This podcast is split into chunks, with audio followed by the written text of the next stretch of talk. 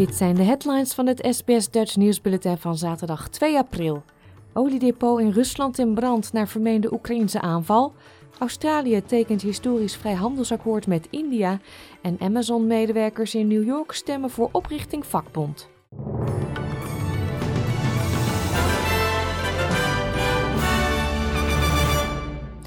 Brandstofdepot in Rusland staat nog steeds in brand na wat volgens Moskou een luchtaanval was door Oekraïnse helikopters. De gouverneur van de Russische grensstad Belgorod zegt dat twee Oekraïnse gevechtshelikopters het depot hebben aangevallen. Het depot was een logistiek knooppunt voor Russische troepen die in het nabijgelegen Oost-Oekraïne vechten.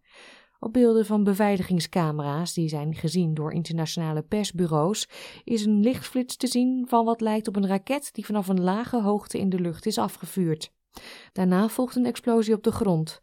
Een woordvoerder van het Oekraïense ministerie van Defensie wil de aanval bevestigen nog ontkennen. Українська держава здійснює Ukraine is carrying out a defensive operation countering Russian armed aggression in the Ukrainian territory. It doesn't mean that Ukraine should bear responsibility for every blunder and for every disaster and every event that happens on Russia's territory. It's not the first time we see these statements. I will not confirm nor deny this information. De Oekraïnse aanval op Russische bodem zou de eerste zijn in zijn soort sinds het begin van de oorlog eind februari. De plaatsvervangend Russische ambassadeur bij de VN zei tegen verslaggevers van de Verenigde Naties dat de aanval de vredesbesprekingen ondermijnt. The attacks on, on the Russian territory they just uh, reflect the real intention of the Ukrainian side and the real intention for any peace talks and uh, gestures that could lead to certain openings. Werknemers van een Amazon-magazijn in New York hebben ingestemd voor de vorming van een vakbond, de eerste in de geschiedenis van de retailgigant. 2654 magazijnmedewerkers van de vestiging in Staten Island brachten hun stem uit voor een vakbond, wat neerkomt op ongeveer 55% van de stemmen. Nog eens 2000 mensen stemden tegen. Het resultaat is een overwinning voor de arbeidersbeweging in de Verenigde Staten, die de arbeidspraktijken van Amazon al jarenlang als een bedreiging voor arbeiders beschouwt. Amazon Union-organisator Chris Smalls zegt dat de vakbond hogere lonen, veiligere werkomstandigheden en werkzekerheid kan eisen. We got the juggler. We went for the juggler. And we went for the top dog because we want every other industry, every other uh, business to know that uh, things have changed. We going we going to unionize. We're not going to quit our jobs anymore.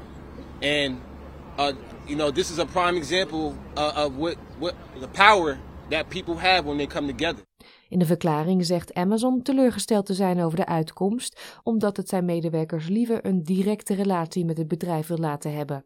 Het bedrijf zegt dat het zijn opties evalueert, inclusief het indienen van een bezwaar.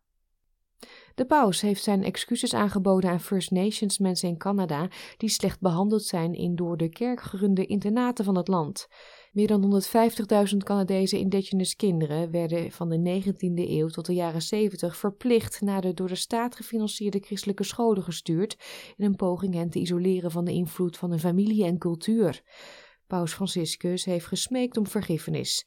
Hij deed dit tijdens een audiëntie met tientallen leden van de Metis, Inuit en First Nations gemeenschappen, die naar Rome waren gekomen voor de pauselijke verontschuldigingen en schadevergoedingen. De paus zei dat hij in juli naar Canada hoopt te reizen om persoonlijk zijn verontschuldigingen aan te bieden aan de overlevenden. I feel shame, pain, and shame for the role that different Catholics, in particular those with educational responsibilities, had in all that hurt you with abuses and lack of respect towards your identity, your culture, and even your spiritual values.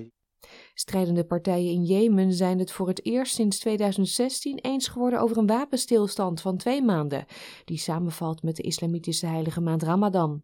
Het conflict tussen de door Saoedi-Arabië geleide coalitie en de aan Iran gelieerde Houthi-groep duurt al zeven jaar en heeft tienduizenden mensen het leven gekost. Ook heeft het geleid tot de ineenstorting van de plaatselijke economie. De VN heeft tussen beide partijen bemiddeld. De secretaris-generaal van de Verenigde Naties, Antonio Guterres, zegt dat de wapenstilstand de eerste stap moet zijn om een einde te maken aan de verwoestende oorlog. Krijgt u nog de weersverwachting voor vandaag? In Perth is het gedeeltelijk bewolkt en wordt het 30 graden. Ook bewolking in Adelaide 23. Melbourne, daar vallen een paar buien, 19. In Hobart kunnen enkele lichte regenbuien overtrekken, 17. De buien nemen toe in Canberra, ook 17 graden. Wollongong een paar buien en opklaringen, 19. Ook in Sydney eerst wat buien en later klaart het daarop, 22 graden. Hetzelfde geldt voor Newcastle, maar wel met 23 graden een graadje warmer. In Brisbane is het gedeeltelijk bewolkt, 28. Cairns gedeeltelijk bewolkt, 31. En ook in Darwin bewolking, daar wordt het 34 graden. Dit was het SBS Dutch Nieuws.